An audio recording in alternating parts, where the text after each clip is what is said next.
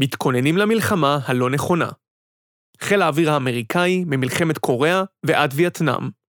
מאת דן ברק. מתוך בין הכתבים, גיליון 11 עד 12, עוצמה אווירית, יובל למבצע מוקד במלחמת ששת הימים.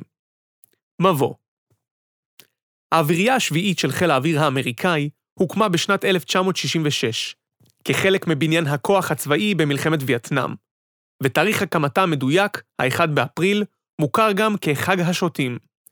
מפקד האווירייה, הגנרל מור, גילה במהרה כי תאריך ההקמה היה יותר מסתם מקרי, כאשר התברר כי כשירות אנשיו למשימת קרבות האוויר נמוכה עד מאוד. לבקשתו האישית, נשלחו מדריכי בית הספר ללוחמה אווירית להדריך את אנשיו. הם גילו כי טקטיקות בסיסיות אינן מוכרות לצוותי האוויר, אשר אינם כשירים למתאר קרבות אוויר מול המיגים של צפון וייטנאם, וכי קיימים ליקויים בהוראות המקצועיות המוכרות לגבי גיחות ליווי, פטרולים וקרבות האוויר בגובה נמוך. הזנחת התחום המקצועי של קרבות האוויר הייתה ברורה לעיני כל. המדד האמפירי להצלחה בקרבות האוויר הוא יחס ההפלות, קרי, כמות מטוסי האויב שהפלנו על כל מטוס שלנו שהופל. מאחר שההיסטוריה מראה כי לרוב חילות אוויר מתקדמים בעלי יתרון טכנולוגי מגיעים ליחס הפלות עדיף. למשל חיל האוויר הישראלי במלחמת לבנון הראשונה, שבה הוא הפיל מעל 80 מטוסי אויב מבלי לאבד מטוס אחד, וכמו כן, חיל האוויר האמריקאי במלחמת קוריאה, שהשיג יחס הפלות של 1 ל-10 לערך. רמת הביצוע הנמוכה של האמריקאים בווייטנאם, בחיל האוויר ואוויריית הצי, התבטאה ביחס הפלות ממוצע של 1 ל-2.4 בלבד לאורך המלחמה, כולל תקופת שפל באוגוסט 1967 ועד פברואר 1968, בה רשמו האמריקאים יחס הפלות שלילי, כאשר 18 ממטוסיהם הופלו לעומת חמישה מטוסי מיג 21 בלבד. במאמר זה אבקש להסביר כיצד חיל האוויר האמריקאי, עתיר המשאבים ובעל הניסיון המבצעי המוצלח כל כך בתחום קרבות האוויר במלחמת העולם השנייה ומלחמת קוריאה, הגיע למשבר כזה במלחמת וייטנאם. הבחינה המצומצמת בהיקפה ומתמקדת בפן אחד בלבד של הלחימה במלחמת וייטנאם. חוסר ההצלחה האמריקאי בקרבות האוויר. בחינה זו תהיה מקרה בוחן לתהליכי בניין כוח ולמדיניות הדרג המדיני, ותבחן על ידי ניתוח התהליכים טרם המלחמה והפעולות שבוצעו לאחריה. סוגיית קרבות האוויר היא מקרה מבחן יחיד אשר מייצג מגמה רחבה יותר, אשר עיצבה את תהליכי בניין הכוח גם בתחומים אחרים, והובילה בסופו של דבר למוכנות הכללית הירודה של הצבא האמריקאי על כל זרועותיו למתאר הלחימה בווייטנאם. דוגמה לתחום אחד שכזה, אשר ניתן לזהות בו השפעות דומות, הוא הסיוע האווירי הקרוב לכוחות היבשה. חשוב לציין כי במובן הרחב יותר של השגת העליונות האווירית, התמודדה ארצות הברית מול מערך הגנה אווירית וייטנאמי משובח, שנבנה במהלך המלחמה, ושכלל, בנוסף למטוסי הקרב, גם מערך טק"א לעירות בגובה בינוני ורב, ותותחי נ"מ לעירות בגובה נמוך. מערך זה, אשר הציב אתגר מבצעי משמעותי, ושהיווה סיבה נוספת שתרמה לחוסר ההצלחה האמריקאי, לא ייבחן במאמר זה. כמו כן, הלוחמה האווירית בווייטנאם הייתה גם מנת חלקם של הצי, אך מאמר זה התמקד בחיל האוויר בלבד. היבט נוסף, שלא נידון במאמר, הוא אופן הפעלת הכוח במלחמה. מקרה מבחן זה מעניין במיוחד, מאחר שבחינת נתוני הפתיחה של הצדדים הלוחמים מגלה כי העדיפות האמריקאית הייתה מוחלטת. ארצות הברית נהנתה מיתרון טכנולוגי בתחומי הלוחמה האווירית, היא הובילה בתחום זה בתום מלחמת העולם השנייה, ואף ניהלה מלחמה במאפיינים טקטיים ואסטרטגיים דומים מאוד למלחמת וייטנאם כעשור קודם לכן, בקוריאה. למרות כל זאת, כשלו האמריקאים בתחום זה. אבקש להראות כי מספר תהליכים ארוכי טווח הובילו לבניין כוח לקוי ובלתי מתאים לסוג המלחמה שהתנהלה בווייטנאם, ושתרמו תרומה משמעותית לכישלון. היה זה שילוב של מרכיבים שונים, ראייה צרה וחד-ממדית של אופי המלחמות הצפויות, אימוץ של טכנולוגיה בוסרית, וגם מאבק בין-ארגוני על משאבים. מקרה מבחן זה הוא דוגמה מייצגת לסכנות האורבות בכל עת לכל ארגון צבאי ולחילות אוויר במיוחד. המגמות יוצגו בהתפתחות ממלחמת העולם השנייה, דרך נקודת הציון של מלחמת קוריאה, ועד תוצאות מלחמת וייטנאם והרפורמות שבעקבותיה. התפתחות לוחמת האוויר ורעיון העליונות האווירית. שימושיו הצבאיים הראשונים של המטוס היו למשימות מודיעין וסיור. הצורך בעלייה על האוויר התפתח מההיגיון המסורתי של סיור, איתור כוחות האויב, אשר אינם נראים באמצעים אחרים. עוד טרם המצאתו של המטוס, נעשה שימוש בבלונים כאמצעי תצפית לאיתור כוחות האויב ולהכוונת הירי הארטילרי, כפי שעשו הפרוסים במצור על פריז בשנת 1871. בימיה הראשונים של התעופה הצבאית, שררה אחווה בין הטייסים היריבים, אשר התבטאה בשמיים בנפנופים לשלום ובצילומים, ובעיקר בהיעדר פעולות אגרסיביות ביניהם. מעין קוד ג'נטלמני שלפיו המטוסים מסייעים לנלחמים ביבשה, אך אינם נלחמים אלה באלה. במהרה התפתחה ההבנה כי גם מטוס האויב הוא אמצעי לחימה, אשר פגיעה בו תסייע להשגת הניצחון. ב-5 באוקטובר 1914 התרחשה ההעפלה האווירית המתועדת הראשונה, כאשר טייס גרמני נורה באקדח על ידי סייר אוויר צרפתי והתרסק סמוך לריימס שבצרפת. התפתחות זו הולידה את המונח עליונות אווירית, המתאר מצב שבו לאחד הצדדים קיימת שליטה מלאה בממד האווירי, ויש ביכולתו לבצע את כל הפעולות הנחוצות לו ולמנוע באופן מוחלט מהיריב ביצוע פעולות דומות. השגת עליונות אווירית הפכה לתנאי נדרש להפעלה מוצלחת של הכוח האווירי, וכפועל יוצא מכך, הופנו משאבים להשגתה בשלבים הראשונים ללחימה. בראשית ימי הלוחמה האווירית, בהינתן יכולת מוגבלת ביותר לתקיפת מטרות קרקעיות, בעיקר לאור יכולת התקיפה המוגבלת של מטרות קרקעיות, בעיקר סביב רמת הדיוק הנמוכה של הפצצות, היו קרבות האוויר המרכיב המרכזי בלחימה על העליונות האווירית. מה שהחל בהטלת לבנים וירי אקדחים, התפתח בשנת 1915 למקלע ממותקן, אשר ירה בכיוון הטיסה ואפשר ניהול קרבות אוויר. במלחמת העולם נועד מטוס הקרב למנוע את הסיור האווירי מן האויב, במיוחד בלונים, ולהבטיח את חופש הפעולה של אמצעי האיסוף האווירי של כוחותינו. מטוסים אלה שימשו גם למשימת ההשתתפות, תקיפות בסיוע לכוחות קרקעיים. אך האפקטיביות של פעולות אלה הייתה מוגבלת בלבד, בגלל רמת תיאום נמוכה שנבעה מהיעדר אמצעי תקשורת כגון רדיו. נוסף לקרבות האוויר והסיוע לכוחות הקרקעיים, החל להתפתח רעיון התקיפה האסטרטגית בעורף האויב לשם מיצוי יתרונותיו של המטוס בהיותו מהיר, בעל טווח פעולה ארוך ואדיש למכשולים הקרקעיים. מפציצים ראשונים פעלו בעורף האויב כבר בשנת 1917. עת תקפו מפציצים גרמנים את ערי בריטניה. אבל לפעולה היה ערך טקטי נמוך, וללא השפעה על המערכה. למרות זאת, בתגובה להפצצות הללו, הקימו הבריטים כבר באותה שנה את חיל האוויר המלכותי, ככוח אווירי עצמאי, מבוסס מפציצים, ותכננו הפצצות אסטרטגיות בגרמניה בשנת 1919. סיום המלחמה בנובמבר 1918 מנע מימוש תוכנית זו. עד מלחמת העולם השנייה, התמקדו חילות האוויר בעולם בעיקר במשימת ההשתתפות, וזאת לאור אילוצים טכנולוגיים, בעיקרם, כגון, טווח טיסה מוגבל שמנע הגעה לעומק האויב, ורמת דיוק נמוכה של הפצצות. הפעלה מוצלחת של חיל האוויר הגרמני, לופטוואפה, בתחילת מלחמת העולם השנייה, המחישה היטב את מרכזיותו של הכוח האווירי בקרב היבשה המודרני. במהלך המלחמה הוצאו כוחות לתפיסת שטחי מפתח בעומק האויב. מטוסי השטוקה, JU-87, העניקו סיוע ישיר לכוחות השריון הפורצים, ושוכללה שיטת התקיפה על שדות התעופה, כפי שבאה לידי ביטוי בפלישה לפולין, ולאחר מכן גם מול הצבא האדום במבצע ברברוסה. ההתפתחות המשמעותית ביותר במלחמת העולם השנייה הייתה ההוכחה המבצעית הראשונה של גישת התקיפה האסטרטגית וביסוס המפציץ כאמצעי לחימה מרכזי בשדה הקרב המודרני. ההפצצה האסטרטגית התפתחה במהלך מלחמת העולם השנייה מתקיפה נקודתית של תשתיות כלכליות אסטרטגיות לכדי הפצצות שטיח על שטחים נרחבים.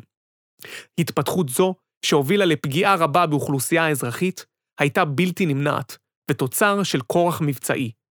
מאחר שרמת הדיוק הנמוכה של המפציצים גרמה לכישלון התקיפות הנקודתיות. מה שאפשר את השינוי היה הגידול בכמות המטוסים שפעלו יחד בו זמנית ושיפורי הטכנולוגיה. הפצצות השטיח יועדו לא רק מול כוחות צבאיים, אלא גם ובעיקר נגד מרכזים תעשייתיים וערי המגורים שסביבם. השימוש המובהק ביותר בהפצצות אלה היה ביפן. שם שיטת הבנייה הפכה את ההפצצה בפצצות תבערה לקטלנית במיוחד. לשם ההמחשה, בהפצצת התבערה על טוקיו בליל 9 במרץ 1945, נמנו כ-100 אלף הרוגים בקירוב. הייתה זו כמות הרוגים גדולה יותר מפגיעת פצצת האטום בנגסקי, 74 אלף הרוגים. לפיכך, במובן מסוים, הייתה פצצת האטום המשך של מגמה קיימת בהתפתחות ההפצצה האסטרטגית. למרות שההפצצות האסטרטגיות הקונבנציונליות מן האוויר הוכיחו עצמן ככלי אפקטיבי במלחמת העולם השנייה, הן לא הצליחו להכריע את המערכה. השילוב בין המפציץ ובין הנשק הבלתי קונבנציונלי, פצצת האטום, בהטלת שתי פצצות האטום על יפן, אשר הביא לסיום המלחמה, קיבע את מעמדה החדש והמרכזי כל כך של ההפצצה האסטרטגית. המפציץ היה אמצעי הנסיעה היחיד לנשק מסוג זה, בגלל היכולת לשאת משקל רב כל כך אל יד התקיפה, וכן רום הטיסה ומהירותה, אשר אפשרו לצוות להטיל את החימוש ממרחק בטוח ולחמוק מאזור הפגיעה טרם יזימת הפצצה. במידה מסוימת ביטלה הופעת הנשק הגרעיני את רוב הספקות בנוגע לחשיבותו של הכוח האווירי בלחימה המודרנית. בבחינת שלוש המשימות המרכזיות לכוח האווירי, השגת עליונות אווירית, תקיפה אסטרטגית והשתתפות בקרב היבשתי והימי, ניתן לראות כי העליונות האווירית היא משימה שנועדה לאפשר את ביצוע שתי המשימות האחרות. במלחמת העולם השנייה השיגו האמריקאים הישגים מרשימים מאוד בתחום העליונות האווירית, והתמודדו בקרבות אוויר המוניים הן בזירה האירופית והן בזירת האוקיינוס השקט. מספר רב של טייסים סיימו את המלחמה כאלופי הפלות, ופותח ידע מקצועי ומבצעי רב בנושא. הכוח האווירי האמריקאי בתום מלחמת העולם השנייה. בתום המלחמה התפנתה ארצות הברית לטפל בסוגיות פנימיות כגון הכלכלה, החברה והחינוך, ותקציב הביטחון קוצץ תוך ארבעה שנים מ-40% מהתוצר הלאומי הגולמי בשנת 1944 לכדי 4% בלבד בשנת 1948. מצבת המשרתים בכוחות האוויר של צבא היבשה קוצצה מ-2.2 מיליון ל-303 אלף איש בלבד, מתוכם 24 אלף צוותי אוויר, ורבים מהמטוסים נשלחו לאחסון או למגרשי הגרוטאות. ברוח ההצלחה של מלחמת העולם השנייה, פעלו אנשי כוחות האוויר האמריקאים לחיזוק מעמדו של הכוח האווירי, וחתרו להיפרדות מצבא היבשה והקמת זרוע אוויר עצמאית. זאת מתוך אמונה כי מרכזיות הכוח האווירי ומאפייניו הייחודיים מצריכים מבנה ארגוני ייחודי בפיקודו של טייס המתמחה בלוחמה האווירית. ראש כוחות האוויר בצבא היבשה, הגנרל ספאץ', רצה ליצור תשתית ארגונית שניתן יהיה להעביר בפשטות מצבא היבשה מבלי לבצע שינוי ארגוני נוסף, ביום בו יופרד הכוח האווירי לזרוע עצמאית. במרץ 1946, בהתאם להצעתו של ספאץ', אורגנו מחדש כוחות האוויר בצבא היבשה בשלושה פיקודים. פיקוד האוויר האסטרטגי, SAC, שייעודו היה תקיפה אסטרטגית. פיקוד האוויר הטקטי, TAC, שנועד לסייע לכוחות היבשה. ופיקוד ההגנה האווירית, ADC, שהתמקד בהגנה על שטחה של ארצות הברית. עם הקמת חיל האוויר כזרוע נפרדת בספטמבר 1947, נשמר מבנה זה. בהינתן העצמאות הארגונית, פעלו מפקדי הזרוע החדשה לקיבוע העוצמה האווירית כמרכיב האסטרטגי המרכזי בתפיסת הביטחון הלאומי האמריקאי. מנקודת מבטו של חיל האוויר, הדבקות בגישה הגרעינית ובמפציצים שהיו מרכיב מובנה שלה, הייתה משתלמת מאוד בהיבטי בניין הכוח וגיוס משאבים, כי בכך ניתנה לו קדימות במאבק על המשאבים מול הזרועות האחרות. בעידן המשאבים המצומצמים, שבתום מלחמת העולם השנייה, היה למפציץ יתרון נוסף. הוא נתפס ככוח מרתיע, וההצטיידות בו, בעת שבה החל להתגבר המתח עם ברית המועצות, נתנה צידוק לקיצוצים העמוקים במערכים הקונבנציונליים. ההבנה כי ברית המועצות היא האויב החדש פותעה בדוקטרינת טרומן, כפי שפורסמה לראשונה בנאום שנשא בקונגרס ב-12 במרץ 1947, שבו ביקש לאשר תקציב סיוע ליוון ולטורקיה, אשר התמודדו על לחצים חיצוניים מצד ברית המועצות. בשנה לאחר מכן הורחבה הדוקטרינה למדיניות ההכלה, שכללה פעילות אמריקאית לבלימת כל ניסיון סובייטי להרחיב את ההשפעה ברחבי העולם.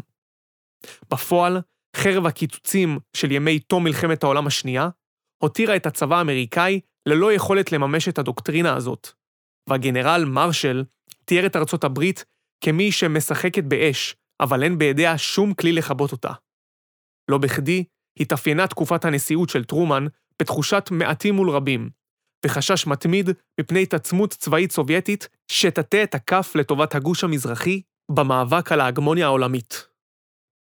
בהשוואה לארצות הברית, אשר הפנתה בתום המלחמה את משאביה לשיקום הכלכלה והחברה האזרחית, תוך צמצום משמעותי בסד"כ הצבאי, ברית המועצות לא צמצמה באופן משמעותי את גודלו של הצבא האדום.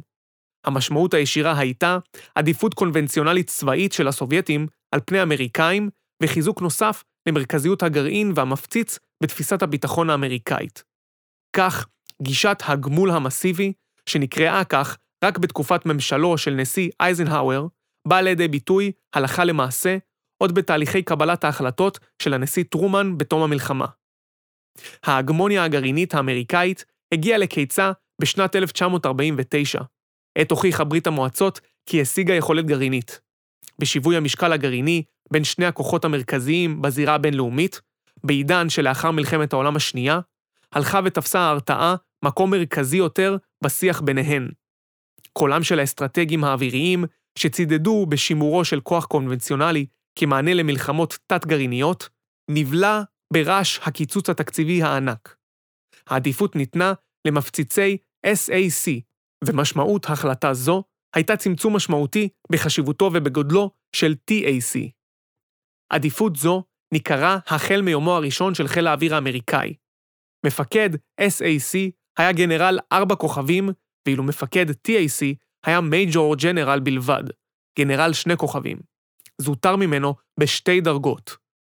ביטויים נוספים לכך היו בהחלטה לרכז אצל SAC את מטוסי התדלוק של חיל האוויר, וכן כי עד 1965 נהנה SAC מהקצב הגבוה ביותר של קידום בדרגות מבין כל הפיקודים.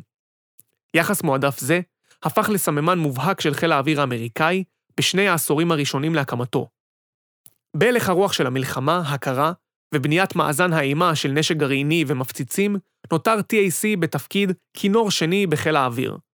ייעודו היה לתכנן ולהשתתף בלחימה היבשתית באמצעות מטוסי תקיפה, מפציצים טקטיים, הטסת כוחות ותספוק ואיסוף אווירי. הקמתו נועדה להתמודד עם חששם של מפקדי צבא היבשה, כי המעבר של אוויריית היבשה לחיל האוויר יפגע באיכות הסיוע האווירי. באותה העת החריפה הנחיתות הטכנולוגית של מטוס הקרב מול המפציץ, והיוותה אמצעי נוסף לקיבוע מעמדו העדיף של האחרון. טווח טיסה מוגבל ביחס למפציצי B-29 ו-B-36, מנע ליווי המפציצים עם מטוסי הקרב להגנה מפני עירות על ידי מטוסי האויב. כמו כן, ניסויי עירות בהובלת קבוצת העירות הראשונה הראו כי המוסטנג, שצויד במנוע בוכנה, מתקשה ליירט מפציץ B-29. ככל שמהירות המפציץ גדלה, כך פחתה יכולת מטוס הקרב ליירט אותו ברדיפה, והוא נותר עם הזדמנות יחידה ליירוט רק בעת החליפה על פניו. היכולת לתמרן ולייצר יכולת יירוט נוספת הייתה בלתי אפשרית. מלחמת קוריאה מלחמת קוריאה, אשר פרצה בשנת 1950, הייתה טבילת האש הראשונה של חיל האוויר האמריקאי בהפעלה מבצעית בהיקף נרחב כל כך כזרוע עצמאית. אלא שהצבא האמריקאי כולו, כולל חיל האוויר, לא היה ערוך לתרחיש מסוג זה. בשל היותה מלחמה קונבנציונלית, נשא TAC בעיקר נטל הלחימה של חיל האוויר בקוריאה. המחסור בציוד טיסה היה כה בוטה, עד כי בגיחות מבצעיות בתחילת המלחמה, נאלצו טייסים לחבוש קסדות פוטבול כתחליף נחות לקסדות הטיסה. משימות חיל האוויר במלחמה כללו השגת עליונות אווירית בקרבות אוויר ותקיפת שדות תעופה, סיוע ישיר לכוחות היבשה, הטסת ציוד וכוחות ואיסוף מודיעין. הייתה זו המלחמה הראשונה של מטוסי סילון, כפי שביטא זאת היטב מפקד חיל האוויר באותה העת, גנרל הויט ונדנברג. מטוסי הסילון הם בעדיפות לכל משימה, כולל לטוס בגובה צמרות העצים כדי לתקוף מקלע בודד. בתגובה לכניסת מטוס מיג 15 ללחימה, הנחה הגנרל ונדנברג בדצמבר 1950 לשלוח לקוריאה כ-75 מטוסים מסוג סייבר, F-86, בעל הכנף המשוחה לאחור. הסייבר היה תוצר של לקחי מלחמת העולם השנייה, והוא תוכנן מראש בדגמים למשימות עירות והפצצה. המטוס נהנה ממספר יתרונות על פני המיג, כגון חופה שהקנתה שדה ראייה משופר לטייס, כוונת מכה משופרת, והגאי סרבו שהקלו על פעולת הטסת המטוס. למרות יתרונות אלו, עדיין היו מטוסי המיג 15 והסייבר בעלי יכולות דומות והיוו מתמודדים ראויים זה לזה באזור קרבות האוויר המרכזי בצפון מערב קוריאה, אשר כונה סמטת המיג. היו אלה קרבות תותחים בטווח קרוב בעידן שקדם לטילי אוויר-אוויר, וידם של האמריקאים הייתה על העליונה. במהלך המלחמה החל חיל האוויר האמריקאי בהכשרה נפרדת של טייסי קרב לתפקידי סיוע קרוב ויירוט. הפיצול נבע מהצורך של חיל האוויר במזרח הרחוק, למצות את יכולות המטוסים על פי יתרונותיהם. מוסטנג, F-80 ו-F-84 לסיוע הקרוב, וסייבר לעליונות אווירית. הייתה לא מעט ספקנות מהולה בחששות לגבי הפיצול בהכשרה, בעיקר מאחר שהכשרת טייסי הסיוע הקרוב חדלה מלהכיל תותחנות אווירית, ועלה חשש כי טייסים אלה לא יוכלו להתגונן במקרה שיותקפו על ידי מטוסי מיג. את יחס ההפלות של 1 ל-10, 792 מטוסי מיג 15, לעומת 76 מטוסי סייבר, על פי ההיסטוריה הרשמית של חיל האוויר האמריקאי, ניתן להסביר במספר אופנים, אך אף אחד מהם לא מבטא את הלך הרוח ששרר באותה העת בחיל האוויר האמריקאי. ראשית, לטייסים האמריקאים הייתה עדיפות איכותית על פני יריביהם, למרות שטייסים סובייטים הטיסו את ראשוני המיג 15 בתחילת המלחמה. חוסר הניסיון של הצוותים הסיניים והצפון קוריאנים, שחלקם היו עדיין בשלבי הכשרה, בלט אל מול שדרת טייסים אמריקאים מנוסה ובוגרת קרבות מלחמת העולם השנייה. סיבה שנייה הייתה נעוצה ביתרון טכנולוגי אמריקאי שתורגם למטוסים בעלי יכולות עדיפות, תוצר של תהליכי פיתוח אמל"ח שהתבססו על לקחי מלחמת העולם השנייה. הדעיכה בעיסוק המקצועי בקרבות אוויר הייתה מורגשת ומשמעותית כבר אז. תוכניות האימונים של טייסי הקרב היו דלות וחסרות, ולא היה כל מדריך כתוב או תוכנית אימונים רשמיים שהגדירו במפורט את דרישות הכשירות.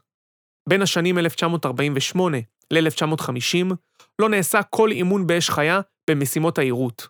זאת בגלל שדרג הפיקוד הבכיר בחיל האוויר, רובם המכריע חסידים של התקיפה האסטרטגית. ראה בכך בזבוז של משאבים הנחוצים לתחומים אחרים. בעניין הכוח בתקופה שבין מלחמת קוריאה ומלחמת וייטנאם. למרות ההצלחה בקרבות האוויר בקוריאה ותהליכי התחקור והלמידה בתחומי העליונות האווירית, לא תורגמו התובנות לתהליכי בניין כוח תומכים, וזאת מארבע סיבות מרכזיות. 1. לעולם לא נילחם עוד מלחמת קוריאה. הלך רוח ציבורי פופולרי בקרב האמריקאים, שלפיו אין סיכוי שמלחמה במאפיינים דומים, קונבנציונלית, תתקיים, ולכן אין טעם להיערך לקראתה. כלי נשק גרעיניים ייקחו חלק בלחימה הבאה ויביאו לסיומה במהרה, כך שמרכיבים דוגמת קרבות אוויר הם מיותרים. רעיון זה שימש את המצדדים בקיצוץ עמוק בתקציב הביטחון בתום מלחמת קוריאה. גישת הגמול המסיבי של הנשיא אייזנהאואר הייתה הביטוי המשמעותי ביותר של הלך רוח זה, אשר רצה להגביל את היקף ההקצאה של המשאבים הלאומיים לטובת ייצור ורכש מערכות נשק. מדיניות זו, אשר היו שותפים לה רוב מקבלי ההחלטות הפוליטיים והצבאיים האמריקאים באותה העת, נתנה בידי ארצות הברית כוח התקפי חסר תקדים בתולדות האנושות ויכולת הרתעה אפקטיבית בדמות כוחות SAC. אולם הלך הרוח הקצין לכדי קיבעון מחשבתי סביב קונספציה של הימנעות ממלחמות קונבנציונליות ואיום בשימוש בגרעין כמענה לכל בעיה. מאחר שהדוקטרינה של חיל האוויר האמריקאי התבססה על הרתעה גרעינית, החל TAC לפעול למציאת שימוש בנשק הגרעיני באופן שיהלום את משימותיו. 2. נשיאת חימוש גרעיני לתקיפה טקטית על גבי מטוס קרב. במסגרת פרויקט ויסטה משנת 1951, שהיה מחקר משפיע של חיל האוויר על שדה הקרב האווירי הטקטי, נותרה בעינה חשיבותה הרבה של העליונות האווירית. אך נטען במחקר כי ניתן להשיגה באמצעות תקיפה גרעינית טקטית כנגד שדות התעופה הסובייטיים. המחקר צפה כי המפציצים כבר לא יזדקקו לליווי של מטוסי קרב, אלא יטוסו במהירות גבוהה, בגובה נמוך, בכל תנאי מזג אוויר וגם בחשיכה. תחת הנחה זו, שלפי הקרבות האוויר כבר לא נראו מועילים כל כך, חל שינוי דרמטי בתהליך הכשרת טייסי הקרב, כך שהתמקד בהקניית יכולות תקיפה גרעינית טקטית. F-105 פותח כמטוס הקרב הפצצה הראשון בעל יכולת חדירה משודרגת עם מתן הדגש לטיסה במהירות גבוהה, בגובה נמוך, על חשבון כושר התמרון. 3. מודעות גוברת לאיום המפציצים הגרעיניים הסובייטיים. הנגזרת של כך הייתה עיסוק מוגבר ביכולות ההגנה האווירית על שטח ארצות הברית על חשבון העיסוק ביכולות הטקטיות. למטרה זו, יצא חיל האוויר האמריקאי לפיתוח של סדרת מטוסי קרב סילוניים על-קוליים למשימת יירוט מפציצים.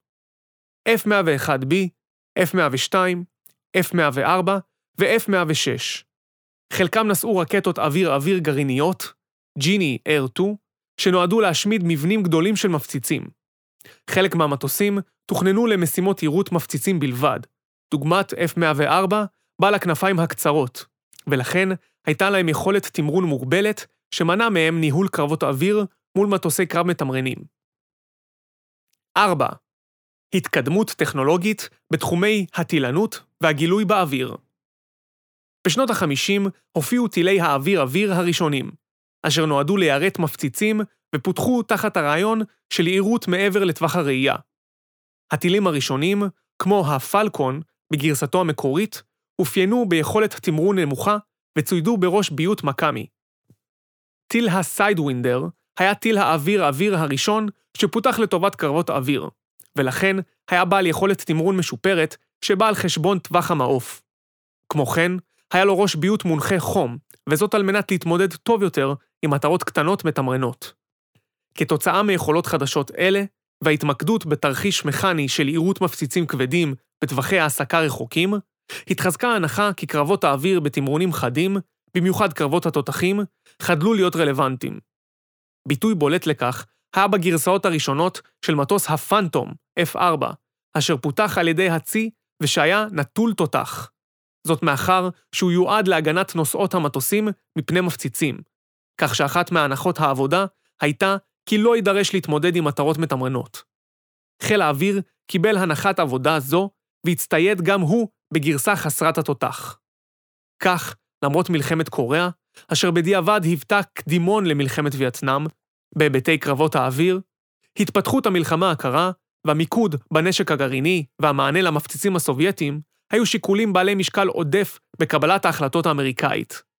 הם ביססו עוד יותר את מעמדו של SAC ככוח הצבאי החשוב ביותר במערכת הביטחון האמריקאית, ובוודאי בהשוואה למקבילו הנחות, TAC. ההשפעה על ההכשרות והאימונים של TAC הייתה מוחשית וברורה. מיקוד רב במשימות התקיפה של חדירה במהירות רבה ובגובה נמוך להטלת חימוש גרעיני. הכשירויות למשימות אלה הפכו לנטל אדיר שלא הותיר משאבים ליתר הכשירויות. אימוני היסודות נדחקו לקרן זווית.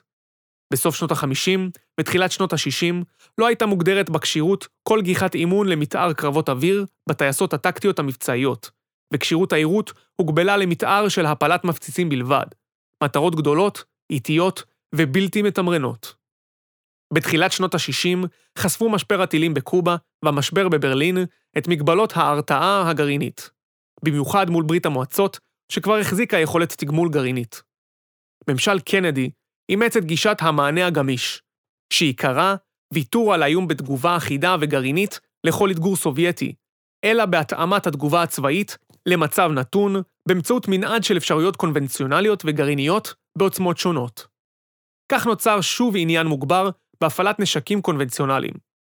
הכשרות הטייסים עברו רפורמה שהגדילה את שעות הטיסה, אך ההדגש הושם על כשירות התקיפה ולא על קרבות האוויר. חיל האוויר האמריקאי בקרבות האוויר במלחמת וייטנאם. למרות שחלף כעשור מאז מלחמת קוריאה ועד פריסת הכוחות האמריקאים הראשונים לדרום וייטנאם ביוני 1962, הרי שטקטיקת הלחימה האווירית נותרה ללא שינוי בתקופה זו. הדבר היה ביטוי לקיבעון המחשבתי סביב סוגיית הגרעין והמפציצים. הכשירות למשימה, כפי שהוכיחו התקריות הראשונות בצפון וייטנאם, הייתה פחותה מהנדרש לכל הפחות. הלחימה האווירית הייתה מצומצמת בהיקפה בשנים 1963 ו-1964, אך בפברואר 1965 שינה הנשיא ג'ונסון גישה והרחיב את הלחימה במבצע של הפצצות אוויריות בהשתתפות חיל האוויר, הצי והנחתים, בשם רעם מתגלגל.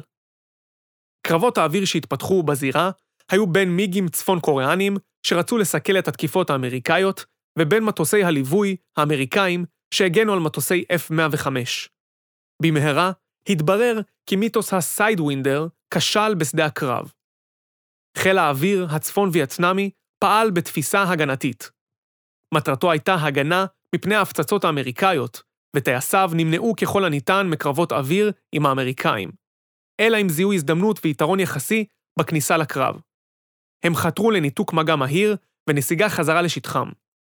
בדצמבר 1966 רשמה טייסת 921 כ-14 הפלות של מטוסי תקיפה אמריקאים מסוג F-105, וזאת מבלי לאבד אף מטוס משלה לאמריקאים. הגישה ההגנתית של הצפון התבטאה גם בכך שעיקר ההפלות של המטוסים האמריקאים היו באמצעות טק"א ותותחי נ"מ, ולא באמצעות מטוסי קרב.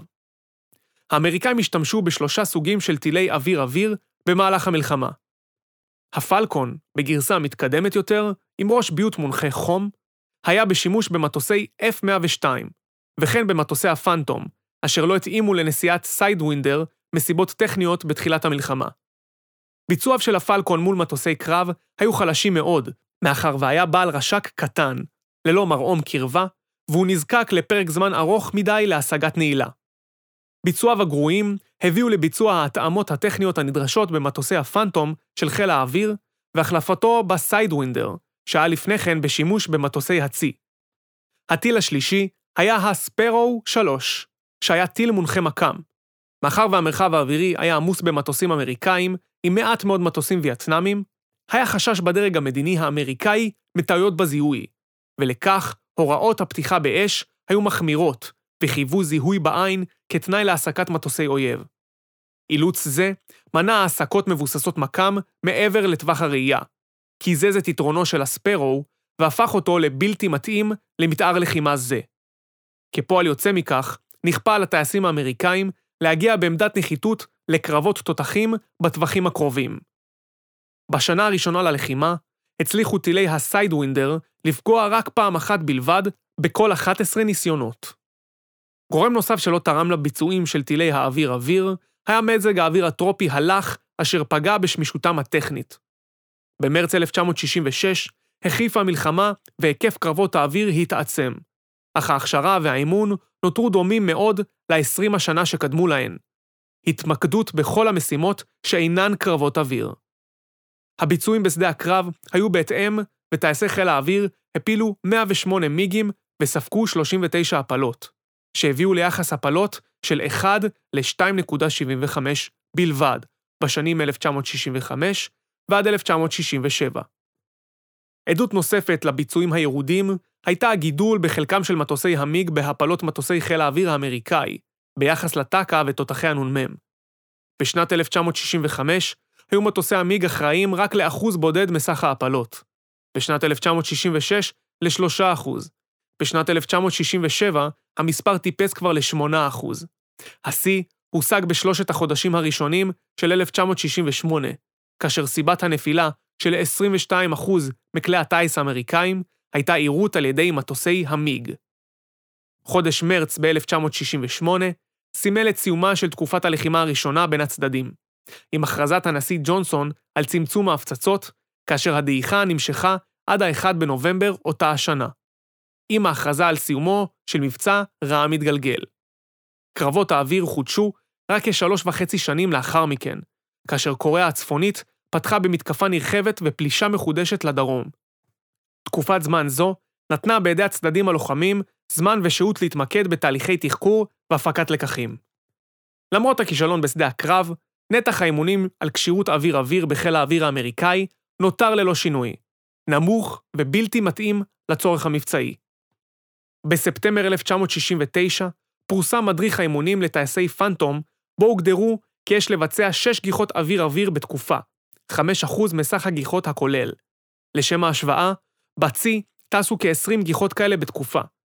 עלייה בהיקף התאונות באימוני קרבות האוויר פגמה בהבנה כי ערוץ ההכשרה והאימונים הוא קריטי לקידום הנושא, והדגש של המפקדים לבטיחות באימונים מנע אישורם של אימונים מסוג זה. אימוני קרבות אוויר בין מטוסים מסוגים שונים, שהיו כלי משמעותי לפיתוח יכולת ההתמודדות עם כלי טיס בעל יתרונות וחסרונות שונים, נאסרו באופן רשמי במדריך הטיסה של TAC, כבר במאי 1968. באופן טיפוסי, הבעיות שנתגלו טופלו בערוץ הטכנולוגי, למשל, בהוספת תותח מובנה לפנטום בגרסה E. בשונה מחיל האוויר, נקט הצי בגישה חדשה חסרת תקדים לשיפור יכולותיו בתחום קרבות האוויר, בה הוא שם הדגש על שיפור בהיבטי ההדרכה. במהלך 1968 פורסם דוח של צוות למידה מיוחד בראשות קפטן פרנק הולט, אשר סימן את נקודת המפנה בגישתו של הצי להכשרת טייסיו לקרבות אוויר. הצוות חקר את כל קרבות האוויר בדרום-מזרח אסיה, ובניתוח היבטי בניין הכוח, הוא הגיע למסקנה כי נקודת החולשה המרכזית היא בהכשרה ובאימונים. כהמלצה הישירה של הדוח, הוקם כבר בשלהי 1968 בית ספר ייעודי לקרבות אוויר, טופגאן, שבו התקיימו אימונים אגרסיביים בין מטוסים מסוגים שונים. השפעתו של טופגן הייתה מוחשית וברורה, כאשר בתקופת הלחימה השנייה, מחידוש קרבות האוויר בווייטנאם בשנת 1972 ועד סיומם בינואר 1973, השתפר יחס ההפלות של הצי פי חמישה ועמד על 1 ל-13. עומק המשבר והצורך בשינוי עמוק החלו להתבהר בחיל האוויר בשנת 1971, אבל רק באוגוסט 1972 החלו פעולות ממשיות עם העברת אימון לפני לחימה, לכל צוותי האוויר שסיימו את ההכשרה הבסיסית על הפנטום. בינואר 1973 הוגדרו מדדים חדשים לכשירות הצוותים בטייסות העירות של TAC, כאשר 70% מגיחות האימונים יועדו לקרבות אוויר. עמידה בכשירות זו, בביקורות המבצעיות, הפכה לתנאי נדרש להצלחה בביקורת כולה. מהלך זה היה מעט מדי ומאוחר מדי. יחס ההפלות עד סוף המלחמה לא השתנה באופן דרמטי, ונותר על 1 ל-2. בתום המלחמה נערכה בחיל האוויר רפורמה מקיפה, שעיקריה היו הקצאה מוגברת של משאבי ההדרכה ומיקוד הכשירות של הטייסות המבצעיות.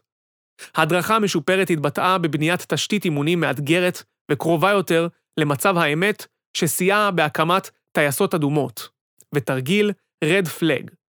מיקוד הכשירות נועד לצמצם את כמות הכשירויות לכל טייסת, בהגדרתה כטייסת עירות או תקיפה בלבד. בנוסף, הוגדר כי מתארי הגיחות, ולא היקף שעות הטיסה, הם שיקבעו את אמת המידה לאימונים.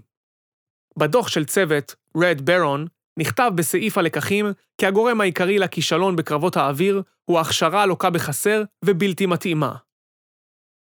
דיון ומסקנות מקרה המבחן של חוסר ההצלחה האמריקאי בקרבות האוויר במלחמת וייטנאם, שהתבטא ביחס הפלות של 1 ל-2, נועד להמחיש הבנה מוכרת כי אין בידי העליונות הטכנולוגית או ניצחון במלחמה הקודמת להבטיח את הניצחון במלחמה הבאה. תהליכי בניין הכוח, המנוהלים בצל קיבעון מחשבתי, הטיות והשפעה מוגברת של גורמים חיצוניים, עלולים להוביל להזנחה מקצועית, לאמצעים חסרים ובלתי מתאימים ולתוצאה סופית כושלת. ניתן לזהות מספר מאפיינים אוניברסליים לכישלון האמריקאי. המאפיין הראשון שניתן להצביע עליו הוא התמקדות באיום יחיד בלבד והיערכות לתרחיש מבצעי מסוים. במקרה זה, תפיסת הביטחון הלאומי האמריקאית, אשר העמידה במרכזה את ברית המועצות, יכולת ההפצצה הגרעינית ושיח ההרתעה. תפיסה זו הוקצנה לכדי קיבעון על תרחיש לחימה אפשרי יחיד, מלחמה גרעינית מול ברית המועצות. העובדה שארצות הברית נקלעה כבר בתחילת המלחמה הקרה למלחמה קונבנציונלית בקוריאה, אשר חלקה מאפיינים דומים רבים עם מלחמת וייטנאם, אך לא השכילה להבין זאת, רק מחדדת את הסיכון.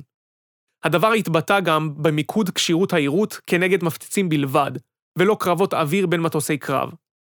הייתה בכך תרומה להזנחת התותח והתבססות בלעדית על טילי א'-א'. בהקבלה לצה"ל, ניתן לראות דוגמה לכך בהתמקדות של צה"ל בלחימה בשטחים בימי האינתיפאדה השנייה, במהלך העשור הקודם, תוך הזנחת המוכנות ללחימה בזירה הצפונית, והתוצאות השנויות במחלוקת של מלחמת לבנון השנייה. המאפיין השני הוא הגישה המקדשת את הטכנולוגיה ככלי לפתרון הבעיות, תוך הזנחת אמצעי אבני בניין הכוח האחרות, בדגש על ההדרכה ופיתוח תורות הלחימה. מילת המפתח בעידן המלחמה הקרה הייתה נשק גרעיני, ובאמצעותה נדמה היה שניתן לפתור את כל הבעיות. בעיתות של מצוקה תקציבית, היא אף נתנה צידוק בידי ארצות הברית לצמצום יכולתה הקונבנציונלית. אימוצם של טילי אוויר-אוויר, כמענה יחיד טרם שהוכיחו עצמם, במתאר המבצעי תוך ויתור על התותח, היא המחשה למאפיין זה בשילוב מאפיין הקיבעון המחשבתי. זאת, מאחר וטילים אלה פותחו במקור מול מתאר של עירות מפציצים בלבד. הדוגמה המובהקת ביותר היא ההתעלמות של חיל האוויר מסוגיית הכשירות המקצועית של צוותי האוויר, בניתוח תוצאות תקופת הלחימה הראשונה. התגובה ההפוכה של הצי, אשר השכיל להבין כי הישועה תגיע משיפור ההכשרה והאימונים, ולא רק ממענים טכנולוגיים, מבליטה זאת עוד יותר. הגישה הטכנולוגית, אשר התעצמה עד מאוד מאז ימי מלחמת וייטנאם, משמשת כיום כשיטה המרכזית לפתרון בעיות בצבאות המערב, באופן שבא על חשבון השיטות האחרות. לראיה, הגידול בגופי פיתוח האמל"ח בצה"ל ובמשרד הביטחון, לעומת מגמת הצמצום וההחלשה של הגופים לפיתוח תפיסות, כתיבת תורה וההדרכה. גורם תורם נוסף הוא המתח הפנים-ארגוני בתוך הצבא האמריקאי, ששרר בין צבא היבשה, הצי וחיל האוויר, וגם בין פיקוד האוויר האסטרטגי ופיקוד האוויר הטקטי בתוך חיל האוויר, אשר השפיע ועיוות את תהליכי קבלת ההחלטות בעשורים שקדמו למלחמת וייטנאם. לדוגמה, הצי ראה במפציץ הבין-יבשתי של חיל האוויר איום על חיוניות נוסעות המטוסים, ולכן יצא במסע הכפשות פומבי נגד מפציץ ה-B-36. צבא היבשה חש תסכול מכך שנלקחה ממנו האווירייה, והוא הפך נתון לחסדו של חיל האוויר בהיבטי הסיוע האווירי, ואילו TAC התקנאה במרכזיותו של CAC וביקש לעצמו מקום בשדה הקרב הגרעיני, עם רעיון העיוויים של הפצצה גרעינית טקטית. המאבק על המשאבים לאור הקיצוצים שלאחר מלחמת העולם השנייה, ובשנות ה-50, החריף את המאבק הפנימי, והעצים גם את העיסוק בעניין הגרעיני כקלף מיקוח לדיוני התקציב. בעת הנוכחית, כאשר רוב הדמוקרטיות המערביות משקיעות בביטחון פחות, אל מול דרישות ההמונים להשקעה ממשלתית מוגברת בשירותים אחרים, כגון רווחה, חינוך ותחבורה, המתח על משאבים בתוך מערכת הביטחון מתעצם. ההתמודדות בין הזרועות והאגפים על נתחי התקציב צריכה להתקיים מתוך הסתכלות רחבה על הצרכים הביטחוניים של מדינת ישראל, ודרישות הממשלה מצה"ל לאור ניתוח מושכל של הפערים המתפתחים במציאות המשתנה. קבוצת הפיקוד הבכיר של צה"ל, חברי פורום מטכ"ל, נדרשת לפעול באופן מושכל, מתואם וחף ככל הניתן מאינטרסים, על מנת לאזן בין הצרכים השונים ולהוביל פיתוח של יכולות מבצעיות מלאות למגוון תרחישים. מעניין גם לבחון את הדילמות שניצבו בפני חיל האוויר האמריקאי בתהליך בניין הכוח, במיוחד בנושא הכשירויות המקצועיות. המתח בין שימור הגמישות בהפעלה, עם הגדרת כשירויות רבות לכל מסגרת, ובין ההתמחות המקצועית, המצמצמת את הגמישות, אך מבטיחה רמה מקצועית גבוהה יותר, הוא תמידי. כל ארגון צבאי מתמודד עם דילמה זו, אך היא מוקצנת בכל הקשור לחילות אוויר, לאור נדירות הכוח והעלות הגבוהה של הכשרת האימון והצוותים. נוסף לכך, שהעלות של שעת אימון היא גבוהה ביחס לפלטפורמות ביבשה, הרי שנדרשות גם שעות אימון רבות יותר של כלי טיס על מנת להגיע לרמת המיומנות הנדרשת. טיעון זה מעודד אותנו להתמחות באמצעות הגדרת כמות כשירויות מצומצמת. בה בעת, הכמות המצומצמת של הפלטפורמות מחייבת אותנו לגמישות מרבית בהפעלה על ידי הגדרת כשירויות משותפות רבות ככל הניתן. חשוב לומר כי ישנה שונות גדולה מאוד בין חיל האוויר האמריקאי והישראלי, החל בגודלם, עבור בסוגי המשימות שלהם, וכלה בסביבת הפעולה בה הם פועלים. כך, ההחלטה האמריקאית על הגדרת משימות ייעודיות לכל טייסת היא סוג של מותרות, אשר ניתן ואף רצוי ליישם בגלל גודלו הרב. בחיל האוויר הישראלי, הקטן ביחס למקבילו האמריקאי, נדרשת גמישות רבה, ולכן כל הטייסות המבצעיות כשירות לביצוע כלל משימות היסוד, כגון קרבות אוויר ותקיפה. חיל האוויר האמריקאי נהנה מעדיפות מובהקת מול יריבו הצפון וייטנאמי עם פתיחת מלחמת וייטנאם. אך למרות זאת, הוא לא חווה הצלחה יתרה בתחום קרבות האוויר. תפיסת הביטחון האמריקאית בעידן המלחמה הקרה, אשר דגלה בפיתוח יכולת הפצצה אסטרטגית גרעינית, על מנת להרתיע את ברית המועצות, הוכחה במבחן ההיסטוריה כנכונה ומוצלחת. אולם האימוץ הקיצוני של גישה זו היה שגוי ומוטעה, מאחר וגרם לפגיעה ביכולות ליבה קונבנציונליות וחיוניות. חלק ניכר מהסיבות לכישלון היו תוצר של 20 שנות בניין כוח כושל מאז סיום מלחמת העולם השנייה, והמניעים האוניברסליים שלו, דוגמת הקיבעון המחשבתי, ההתאהבות בטכנולוגיה לא בשלה, ומאבקי הכוח הפנים-ארגוניים, ממשיכים להיות תקפים גם בימינו אנו. רק הסתכלות פנימית כנה, פתוחה וביקורתית, תאפשר להימנע מכישלון דומה במערכות העתידיות.